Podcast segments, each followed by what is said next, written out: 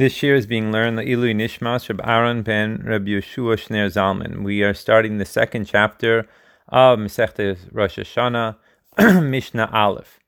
So now we're going to be talking about the acceptance of the witnesses by the Din in Yerushalayim. So it says like this: Im einan mekirin oiso. Let's say that the judges in Yerushalayim don't know this person. So therefore, how could they possibly rely on his testimony? So what would happen was be mishalchin acher imo lahaido.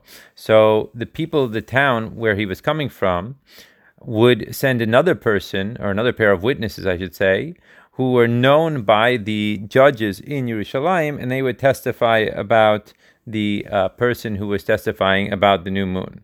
Now, the question is, why did this happen? So in the beginning, they would just uh, receive the testimony about the uh, about the new moon from any Jewish person, any Jewish man, because we would say that all Jewish men are considered to be tested, uh, considered to be trustworthy. However, mishakilkulu haminim. However, when the minim, the heretics, uh, sort of mess things up, right? Some places it says that they were the Baitusim, who were like this, uh, the Tzadukim, right? Hiskinu shalo yehu mekablim elam hamikirin. So then, at that point in time, the decision was made that the that the judges would not receive any testimony except for those from whom uh, they recognize.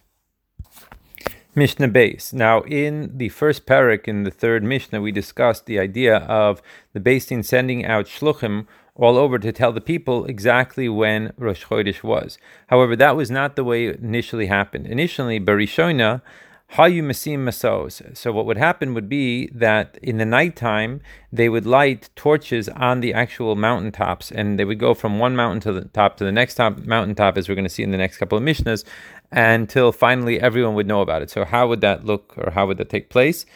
So the way it worked was that if the Din would uh, would be Makadesh, the new month, on the 30th day, so that means the 29th day, by the end of the 29th day, right? In the nighttime, they would see, if someone would see the new moon, they would come to the Beis Din, and therefore the 30th day would now become, instead of day 30 of uh, month uh, A, it would now become day one of month B. So what would happen would be that on the night following the 30th day, they would light these torches and spread the word. However, if no one came, uh, and therefore they could not be Makadish the month on the 30th day, so then 30th day would be day 30 of month A, and day 31 would be day one of month B, in which case there would be no torches that were lit.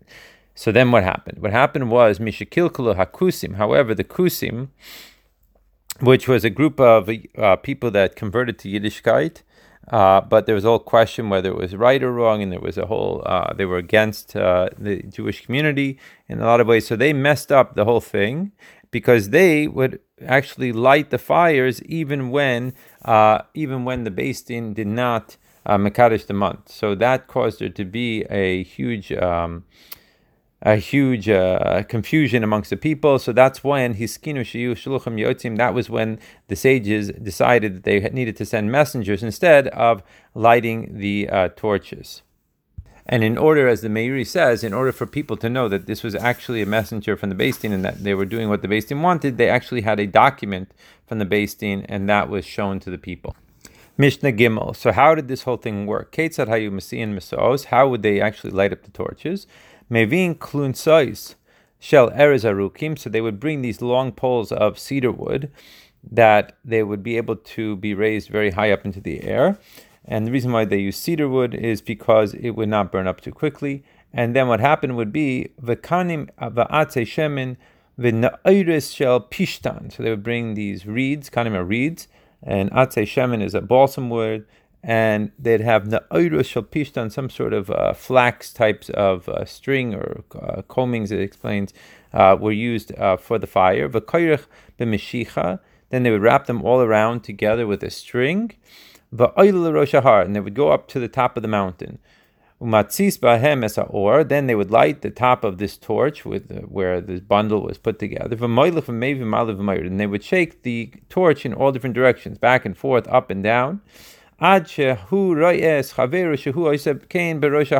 until finally the person A would be able to see person B on the second mountain doing the exact same thing. V'kein Barosh Shlishi, and then Azoy Viter going on and on, he would see it on the third mountain and continuing, continuing, uh, as we're going to see in the next Mishnah.